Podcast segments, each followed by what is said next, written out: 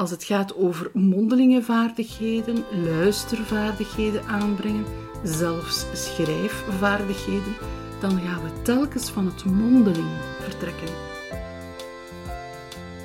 Welkom bij De Taalverwervers, een podcast van Axon Graaf in samenwerking met Novavox. Mijn naam is Dien Meert, uw host van deze gloednieuwe podcast. Een podcast over de visie en het verhaal achter het taalbedrijf Axon Graaf en dat door de ogen van Grietje de Graven. Grietje, inmiddels aflevering 2 en uh, in deze aflevering staat Brussel centraal. Nu, ja, we hebben Brussel bezocht, de hoofdstad van Europa. En in die hoofdstad komen zo'n 200 verschillende talen samen. Ja, het lijkt wel de ideale plek voor Axon Graaf. Ja, hè, dat zou je zo denken. Maar inderdaad, um, ik kom er toch wel veel mee in aanraking. In die zin dat heel wat mensen uit het Brusselse ofwel hun Nederlands ofwel hun Frans moeten oppoetsen hè, om te kunnen werken met de klanten die uh, deze taal, in, deze taal, in deze taal werken. Dus eigenlijk, je zegt van het is heel belangrijk om het Nederlands of het Frans onder de knie te krijgen. Ja, dat is zo. Misschien veel klanten die uit het Brusselse afkomstig zijn. Ja, dat ook. Dus ik heb een aantal mensen die um, nu bijvoorbeeld, die ik opleid in het Nederlands, en zij willen werken in de randgemeenten. En in de randgemeente van Brussel moet je een certificaat kunnen voorleggen dat je Nederlands praat. Je bedoelt de faciliteiten? De faciliteitengemeenten. Ja, ja, ja. En anderzijds heb je ook uh, hoge kaderleden die vinden dat hun Nederlands onvoldoende is om bijvoorbeeld als headhunter um, een oh, Nederlandstalige klant te kunnen bedienen. Om de professionele vaardigheden aan te scherpen eigenlijk. Ja. Nu, het mondeling is wel echt belangrijk, hè, maar naar mijn ervaring uit het onderwijs ja, is er toch ook wel veel geleerd uit een handboek. En het handboek staat bij vele lessen ook volledig in het midden, is dus ook de houvast van de student of van de leerling. Je kan je er gezellig in verliezen. Je moet dan geen oogcontact hebben met de leraressen of de leraars. En, uh, maar in een, eigenlijk wordt in, mijn, in de methode die ik heb, werken we in feite zonder handboek. Nu, we doen dat niet volledig, juist omdat we een kleine toegift doen we doen een beetje ehm, wat de student vraagt en die houvast willen we hem toch geven. Maar we doen dit op een volledig andere manier. Dus ons handboek is meer uh, vragen waar ze een antwoord moeten op geven en zal nooit bijvoorbeeld een invuloefening zijn. Hm. Dus eigenlijk de werkwijze bij Axon Graaf is toch meer praktischer? Wel, het mondeling staat echt in het midden. Dus wanneer we zowel um, als het gaat over mondelinge vaardigheden, luistervaardigheden aanbrengen, zelfs schrijfvaardigheden, dan gaan we telkens van het mondeling vertrekken. Hoe raar dat ook mag klinken. Dus we gaan bijvoorbeeld een tekst op een volledig andere manier benaderen dan dat we gewend zijn in klassen, waar een analyse van de tekst zin per zin of paragraaf per paragraaf mhm. gemaakt wordt met uh, de methode die we allemaal kennen. Wij draaien die op zijn kop. Dus je draait de methode op zijn kop, zeg je. Um, heel concreet, wat wil dat dan precies allemaal zeggen? Dit wil eigenlijk zeggen, in de andere methodes is er een, een uit, men gaat uit van het feit dat men eerst van alle kennis over de taal in het hoofd van de lerende moet uh, inproppen. En dan daarna zal het er wel uitkomen als het nodig is, mondeling. En dit is een verkeerde werkwijze. Dus je moet echt vertrekken van mondeling, vraag, antwoord. De interactie moet centraal staan. En vele mensen hebben dit begrepen hoor. Maar je moet echt er, uh, je er bewust van zijn dat er zoiets is als een punt in de hersenen mhm. waar een mondelinge grammatica gevormd wordt. Dus er wordt een soort netwerk gemaakt in de hersenen met alle kennis die je vergaard hebt via het doen, het mondeling spreken. Ja. Nu, je zegt van het, het mondeling is heel erg belangrijk en het gaat dan misschien ook de één op één relatie, uh, komt de taal ten goede eigenlijk? Dat is zo. Dus wanneer je in een interactie één op één zit, heb je een voortdurende activering van al die hersencellen. Dat is ook eigenlijk tamelijk vermoeiend. Veel mensen zeggen mij Ja, dat. klopt. Na een uur zijn ze compleet eh, helemaal moe. Kapot. Kapot eigenlijk. Kapot. Maar het lukt ook in hele kleine groepjes. Hè? Dus het lukt ook tot en met een zestal mensen. Want iedereen denkt dan mee, dus je weet nooit wanneer jij aan de beurt gaat zijn. En ik laat ook verschillende mensen antwoorden op dezelfde vraag. Elk heeft zijn antwoord. Natuurlijk, de spreektijd vergroot als je één op één doet. Dan ben jij, Absoluut. dan is die persoon altijd Dan sta jij woord, centraal, hè? Ja. Als, als, als persoon, als klant.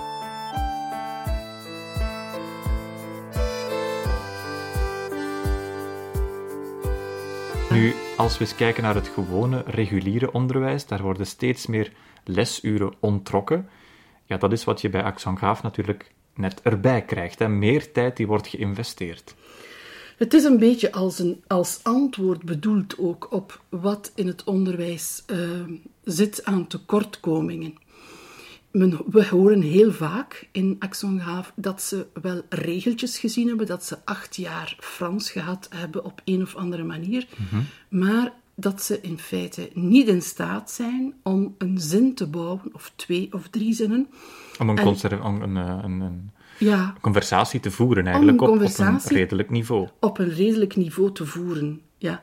En in dat onderwijs gaat men er telkens van uit dat het dus eh, erop aankomt om input te geven, eh, theoretische input.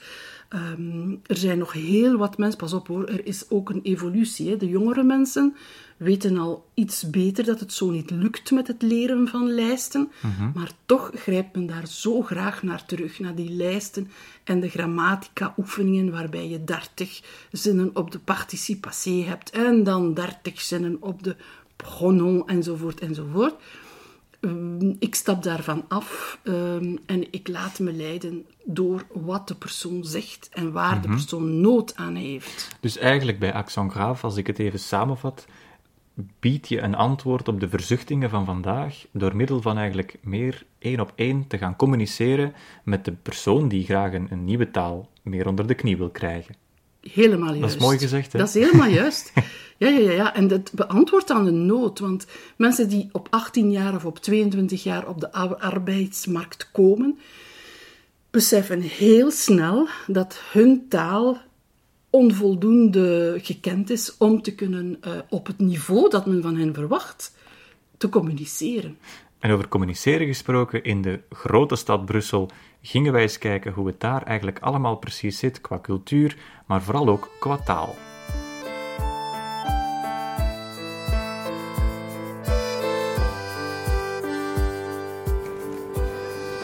Staan hier op een zeer mooie historische locatie, namelijk de Grote Markt van Brussel. Toch wel een heel bijzondere plaats hè, voor jou? Ja, absoluut. Eh, het is weer al bij mij heeft het ook te maken met de historische interesse. Hè. Maar het is ook een mooi uitgangspunt om sessies rond te bouwen in mijn bedrijf. eh, taalsessies. Op welke manier zou je vragen? Wel, je hebt hier voor elk wat wils. Als je eens rondkijkt, eh, de, dat, die mooie statige gebouwen. Stel, ik heb alles een eh, klant gehad eh, in de architectuur. Dan kom je naar hier en dan kan je je goed voorbereiden als coach. Hoe heet dit soort stijl en wat stond ervoor? Wat weet ik nog? En daar een aantal termen aan verbinden. Ja, want eh, daarover gesproken, we staan hier nu ook voor het mooie Brusselse stadhuis. Het heeft een speciale Inderdaad. stijl en je zegt van ja, als er een klant is die bijvoorbeeld graag eh, interesse heeft of interesse heeft in architectuur, ja, dan ben je hier wel op, op je plaats eigenlijk om dan de taal onder de knie te krijgen. Hè? Ja, eh, dus niet alleen voor bijvoorbeeld mensen die architect zouden zijn, hè, maar ook mensen die geïnteresseerd zijn in kunst. Of mensen die geïnteresseerd zijn in eens lekker te gaan eten. Kan hier ook. Of de chocolade, of het museum van. Je, krijg- je, je hebt hier op de, op de Grote Markt zelf al drie musea, als ik, het, als ik me niet vergis. Klopt. Je kiest er eentje uit, eh, al naar gelang de interesse van de klant van het moment. En dan kan je weer ehm, praten rond die musea en wat ze leuk vinden. En daar iets rond te bouwen. Dus inderdaad, als we even terugkomen op die wandelsessies dat je dan met klanten afwerkt, het kan eigenlijk ook op, op eender welke locatie dan eigenlijk. Bijvoorbeeld ook een bos bijvoorbeeld. Hè? Ja, dat, dat wou ik ook een beetje illustreren. Dit was eigenlijk een voorbeeld van... Ja, we zijn bij tour en taxis geweest. We, hebben daar, we zaten daar in een omgeving waar er heel wat bedrijven waren. Dus je kan daar ook een link vinden met je klant. Hè. In welke sector werkt die? Met welke, eh, dus, uh, met welke uh, hoe zou ik zeggen, stakeholders zijn daarin bij betrokken. Al die woordenschat, al die verhalen kunnen, passen daar dan heel goed in. En daar, daar ook kan je het hebben over de architectuur, maar hier is het duidelijker over de architectuur. Je kan heel het verhaal vertellen van de grote markt. Um, maar je kan ook daar rond heel veel dingen doen. Hè? We hebben daar net ook in een bubbel gezeten van plastic, weet je het nog? Klopt, klopt. Ja, dat vonden we heel tof. Dus er zijn hier altijd enorm veel activiteiten ook. Dus ideaal om hier een anderhalf uur door te brengen, al pratend over de interesses van de persoon met wie ik op stap ben. En inderdaad, de mensen met wie je op stap bent of op stap gaat, die krijgen er ook misschien wel gratis wat uh, historie bij. Want dat is eigenlijk, eigenlijk wel een, een, Ja. passie van jou. Hè? Goh, ik mag daar dus echt niet mee overdrijven. Ehm, dat weet ik, want niet iedereen is zo eh, bezig met, met geschiedenis. Maar ik wil bijvoorbeeld één ding toch meegeven. Dit is de plaats waar lang een standbeeld gestaan heeft van eh, de graaf van, van Egmond en van Hoorn. En dat past in mijn verhaal van Jacob van Artevelde weer. Ja, Weet ja, je van de vorige aflevering. Voilà, dus ik, ik, eh, als kind verwarde ik die twee ergens, want die waren allebei vermoord en zo. Uh, Blijkbaar word ik, word ik daartoe aangetrokken of zo. En die zijn hier terechtgesteld, als ik me niet vergis, Ja, zijn- op de Brusselse markt. Inderdaad, die zijn hier terechtgesteld. Ja, ja, ja, ja. Dus die waren eh, absoluut niet akkoord met hoe Spanje de Nederlanden bestuurde. En daar is ook een grote revolte uitgekomen met Willem van Oranje dan. Hè? Dus Ja. voilà. Nee, dat is, dat is allemaal een mooie historie. En in principe kan je het ook in het Frans allemaal uitleggen aan je klanten. Ja, daar mag je zeker van zijn. En als het moet, kan ik het ook in Spaans. Dan moet ik mij goed voorbereiden, zoals natuurlijk altijd. Hè. Maar ja, de moedertaal, dat vloeit er wel makkelijker uit. Hè. Maar ik heb het al gedaan. Ik heb het al gedaan. En het is altijd heel boeiend om... eh, we zijn daarnet ook voorbij Cervantes gekomen. Weet je nog? Dus je Ja. altijd linken die je overal kan vinden.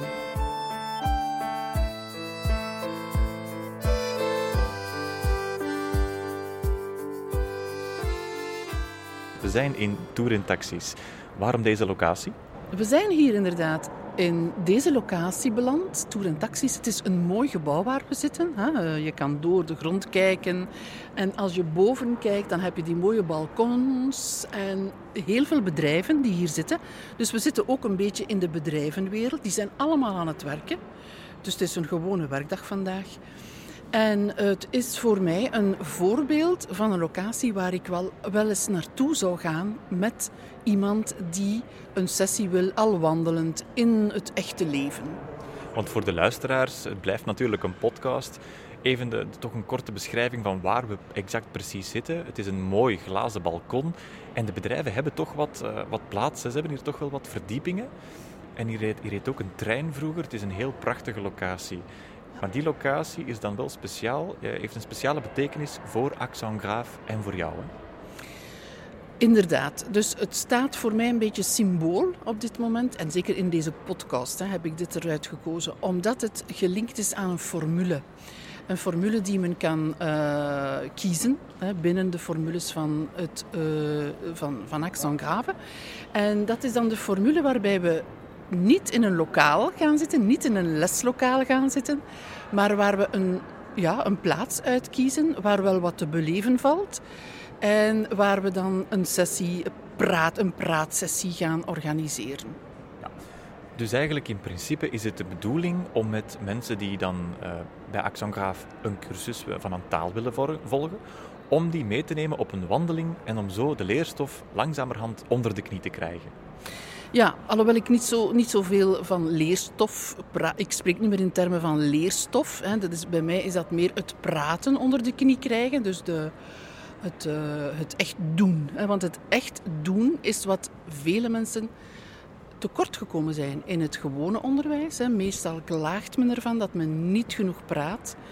En waarom het belangrijk is, is omdat in mijn methode, jullie weten dat ondertussen, uh, volg ik de neurolinguïstische methode en die heeft uitgewezen dat wanneer je wil leren praten, dat je dat dan vooral moet doen. En natuurlijk heb je dan ook een coach die jou, die jou dan op, op de goede baan uh, brengt. Dus het gaat eigenlijk vooral om het doen, om het spreken, om het effectief durven te praten in een andere taal. Ja, absoluut. Uh, het is dus absoluut gedaan met uh, van die, van die grammaticalessen eerst en dan hopen dat ze dat ooit eens toepassen in een echte context. Dat steunt ook op de onderzoeken dat dit een verkeerde methode is. Dus bijvoorbeeld om het even concreet te maken, ik ben een nieuwe klant, een nieuwe potentiële klant, klant voor Accent Graaf en ik leer graag een taal bij. Hoe beginnen we daaraan? Nu, deze wandelsessies zijn eigenlijk meer voor de gevorderde mensen. Die al een beetje, die een soort van B, allee, om in, in, termen te spreken, een B-niveau. Enfin, ik leg dat later wel uit. Mhm. Maar dat is zo het middenniveau. Hè? Toch nog niet perfect, maar die toch al uh, niet meer de basis moeten leren. De basis leren kan je ook al wandelen toen hoor. Je kan het allemaal. Maar goh, dan grijpen we toch nog graag terug naar eens die structuur opschrijven. Ze willen dat dan ook memoriseren, dus gaan we dat woordje meer noteren. En, uh, dus het leent zich minder goed voor beginners. Dus in principe, ik zou al een basis kunnen gebruiken. En dan zijn die wandelsessies echt wel van toepassing uh, voor mij dan als ik de taal meer en beter onder de knie wil krijgen. Ja, dat is ideaal. Dat is een ideale methode om uh, los te komen van de cursus ook. Hè. Dus uh, je hebt anders altijd die cursus, men grijpt daar zo graag naar en op welke pagina. En dat staat niet in mijn cursus en je komt daar volledig van los. Hè. Je gaat ook niet schrijven. Je mag schrijven hoor, maar als je aan het wandelen bent, ga je minder vlug naar een balpen grijpen. Ja. Natuurlijk, wat is het grootste voordeel dan van deze wandelsessies volgens jou? Het grootste voordeel, er zijn er verschillende. Ten eerste word je heel ontspannen. Er is geen enkele ja, uh, spanning. Dus die, die, dat lokaal zit ook niet in jouw bedrijf. Je bent echt ergens anders dan in dat bedrijf.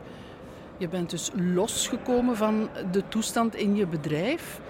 Je kan over van alles praten. Uh, dat is ook goed, omdat in een bedrijf komt het niet alleen aan op cijfertjes en over economie en over statistieken en grafieken praten. Maar je gaat ook wel eens met een klant gaan eten en dan wordt er niet altijd over, over zaken gepraat. En dat is een ideale situatie om uit te testen van waarover kan ik wel praten, waarover best niet. Ik heb die informatie natuurlijk bij mij, of ik weet die, ik heb die opgezocht. Uh, wat je best of uh, niet vraagt aan een klant. Maar dat is ook een onderdeel van ja, het leren van een taal.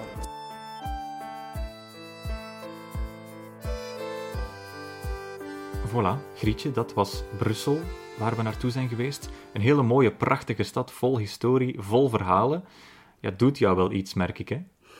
Ja, omdat natuurlijk mijn eigen hobby is geschiedenis. Ik ben absoluut geen geschiedkundige, dus ik zal misschien hier en daar wel iets, iets verkeerds zeggen.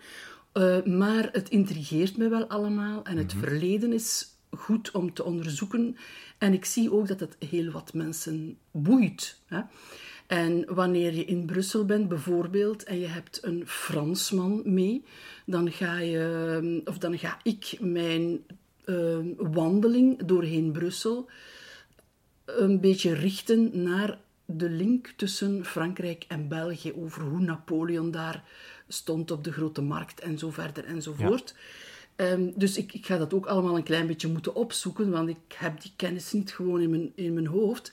Maar ik kan ook vragen van de klant om het even op te zoeken. En dat hij dan een, een klein verhaal Een soort presentatie misschien. Ja, dat hij, ik zeg hem van, je, gaat nu de, de gids spelen en je gaat mij vertellen uh, wat er allemaal gebeurd is in Brussel en zo verder enzovoort. Dus effectief, als je met die mensen dan rondloopt in een stad, dan kan je, dan kan je ze vragen van, hey, maak eens een soort samenvatting van wat hebben we nu net gezien, wat hebben we geleerd, wat hebben we gegeten, wie hebben we ontmoet.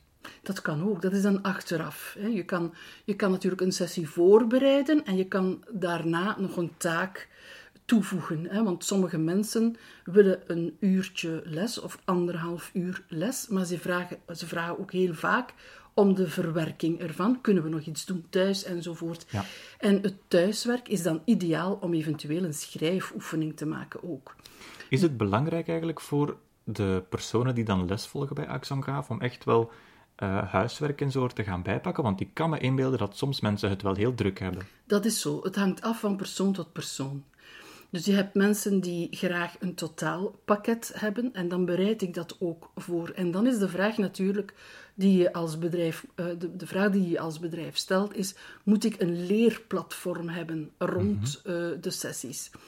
Nu, uit ervaring weet ik al wat er bestaat rondom mij. En ik weet een goede, goede site voor dit en een goede site voor dat. Dus ik ken mijn weg zeer goed in alles wat bestaat.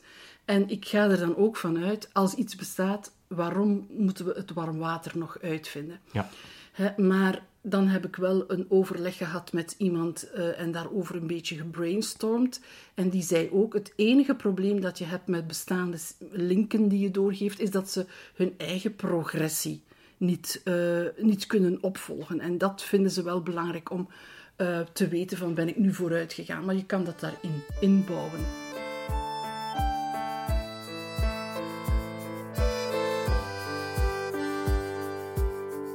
Want je bent nu al toch een tijdje bezig met Accent Graaf. Het, maakt, het doet jezelf denk ik ook wel iets, hè, om zoveel mensen dan ook zoiets iets te kunnen bijleren eigenlijk. Hè. Je verandert hun leven in een, in een bepaald opzicht. Ik heb in, eh, ik moet zeggen, dat is, dat is nu net wat, wat het leuk maakt om met één persoon of twee of drie personen aan de slag te gaan. Je gaat op voorhand bepalen welke doelstelling zij hebben. Je gaat zeggen, Mhm. die willen dat, dat en dat bereiken. Dat wordt samen vastgelegd aan Ja. het begin van het traject. Ja, ja, Ja. ja. ja, ja. Dus, de heel, dus er zijn mensen die zeggen, ik, ik wil vlot kunnen praten. Het gaat, het gaat me niet om een bepaald thema, gewoon algemeen. Hè? Maar dan zijn er anderen die zeggen heel specifiek, ik wil een sollicitatiegesprek in het Frans kunnen doen. Ja. En dan gaan we ook Echt heel... concrete doelen oplijsten. Zeker, zeker. Ja. En dan gaan we dat ook doen. Of ik wil leren telefoneren in het Frans. Eh, of in het Nederlands. Of in het Spaans. Hè, want we doen niet alleen Frans en Nederlands. Alhoewel het eh, de, de talen zijn die het meest gevraagd worden. Hè, maar Om daarover even Ja. in te pikken. Brussel, ja, een, een, een stad, zoals we daarnet al kwamen te zeggen, waar meer dan 200 talen bijeenkomen of ook worden gesproken. Hm. Welke taal is nu het populairste bij Accent Graaf om te volgen? eh, de meeste die bij mij komen zijn toch om Frans te volgen. Frans toch wel. En op de tweede plaats? De tweede plaats Nederlands. Nederlands, ja. En dan eh, het Spaans is er onlangs bijgekomen. En de mensen beginnen dat dan te weten. Ehm, en dat loopt als een vuurtje ook. Dus ik heb nu drie klanten die het Spaans aan het leren zijn. En nu is er ook eh, Wel fijn, Italiaans. Als je dan op vakantie gaat hè, naar de zon, naar Spanje, dan kan je een beetje Frans, dankzij Grietje van Accent Graaf. Inderdaad, voilà. Daar doen we het voor. Zeker. Absoluut. Nu, Brussel is ja een mooie, een mooie stad natuurlijk. Je komt er ook regelmatig met klanten, zeg je. Mhm. En dan zijn Frans en Nederlands toch de twee talen die het meest naar boven komen. En wat vind je nu zelf dat, dat, dat de mensen die bij jou in traject zitten, daar het meeste van opsteken? Dat is toch wel het Frans spreken op zich, het mondelingen, dat toch terugkomt, denk ik. Hè? Sowieso. Het is gewoon, ik, ik ben sowieso overtuigd dat het daarop is dat we moeten werken. dus het geschrevene moet ook gekend zijn. Maar sommige mensen geven dan aan, ik heb dat niet nodig. Ja. Hè? Of andere mensen zeggen, ja, ik heb dat wel nodig. Ik moet regelmatig dit of dat of dat schrijven, dus ik moet leren schrijven. Maar het hangt af van de vraag die je krijgt. Dus de meeste Mhm. mensen vragen om vlotter te spreken. Dus misschien is de basis toch, zoals je inderdaad zegt, het mondelingen. Ja, ja. En is dat om het aan te leren toch wel veel beter om dan ook even een, een soort van misschien cultuurshock over je heen te krijgen, een taalbad in een stad waar die, waar die taal dan ook meestal wel wordt gesproken. Ja, nu eh, natuurlijk in, in Brussel heb je de twee talen, hè, dus je moet dan echt uitkiezen waar je naartoe gaat. Op de grote markt zal je die 200 talen horen. Maar als je dan hè, in, de, in de faciliteitengemeente, in een bibliotheek gaat... Wemmel bijvoorbeeld? Ja, voilà. En dan Wemmel. kies je een punt uit waar je weet van... In dit restaurant wordt Nederlands gesproken. Dan, dan ga je dus eh, met die klant in dat restaurant een hapje eten of een koffie drinken. En dan laat je die persoon zelf bestellen. Ja, natuurlijk. Ja. Ja, ja. Dat En is- dan heb je natuurlijk ook iets, iets, iets lekker gegeten. Dus dat maakt Ja. toch weer aan, aangenamer en aantrekkelijker om dan Ja. die cursus bij, bij, bij Accent te gaan volgen. Sowieso is het... ehm, de authent, dus het authentieke is, is Belangrijk. nodig eh, voor de motivatie. Nu, er zijn heel, heel wat mensen die, die toch in, in die sessies zitten, online of in een klas. Maar ik droom er eigenlijk van om zo'n activiteiten te doen met mensen buiten de klas, omdat het dan juist eh, gemakkelijk is om het zonder handboek te doen. Want dat handboek, we hebben het er al over gehad, dat, daar, daarin kan je ook eh, gaan wegsteken. Van zitten we nu aan pagina zoveel, zitten we nu aan puntje zoveel, en dat zinnetje, en dan, dan heb je ook een mengeling eh, met lezen. Ja. Hè? Je, je moet dan ook de, de, de regels van het lezen goed onder de knie hebben, om luidop te gaan lezen. Ja. Hoe vaak doe je dat in het Frans, in het echte leven? Luidop iets lezen. Ja, nee, je vertelt meer, hè, maar Ja. lezen is, ja, dat is minder misschien. Hè. Tenzij je voor de kleuterklas moet gaan voorlezen in het Frans. In de, ja, dus je hebt inderdaad wel. Dus je moet je altijd richten Ja. op wat is de situatie waarin de mensen die je voor je hebt in terechtkomen. Of, of in zich bevinden, ja, klopt. Ja, of zich in bevinden.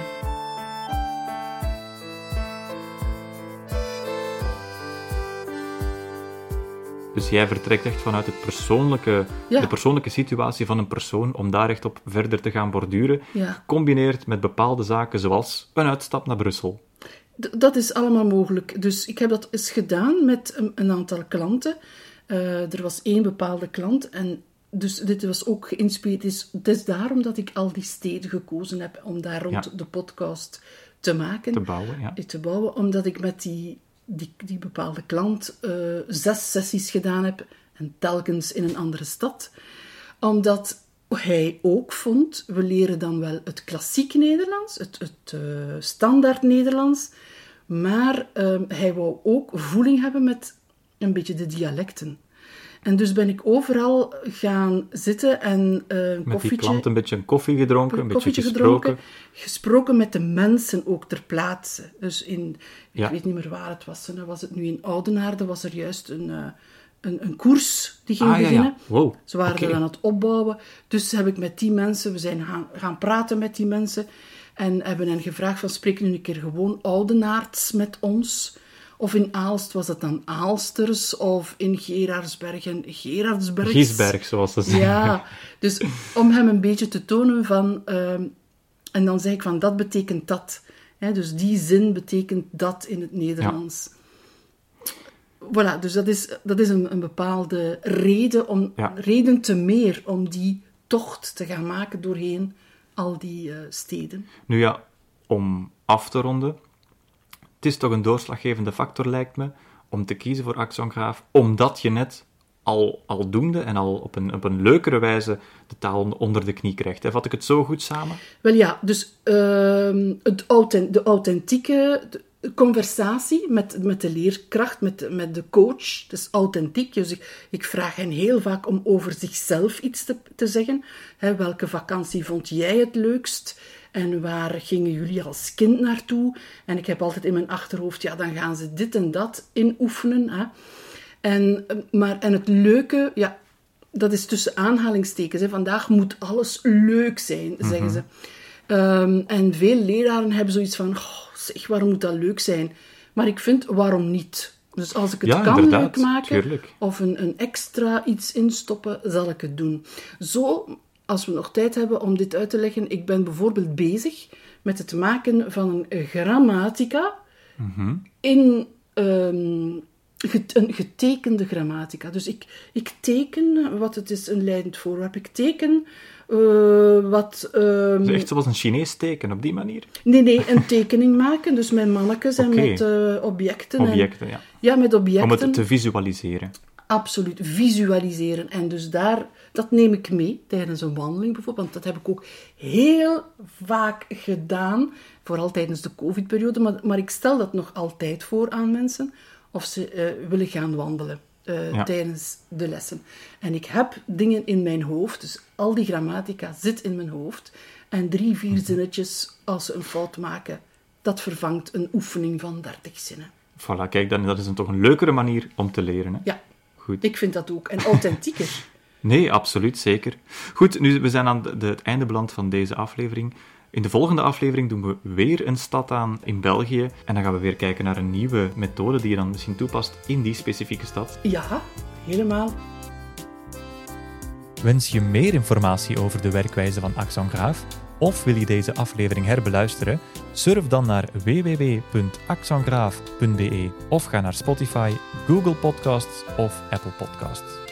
En volg ons zeker op LinkedIn en Instagram.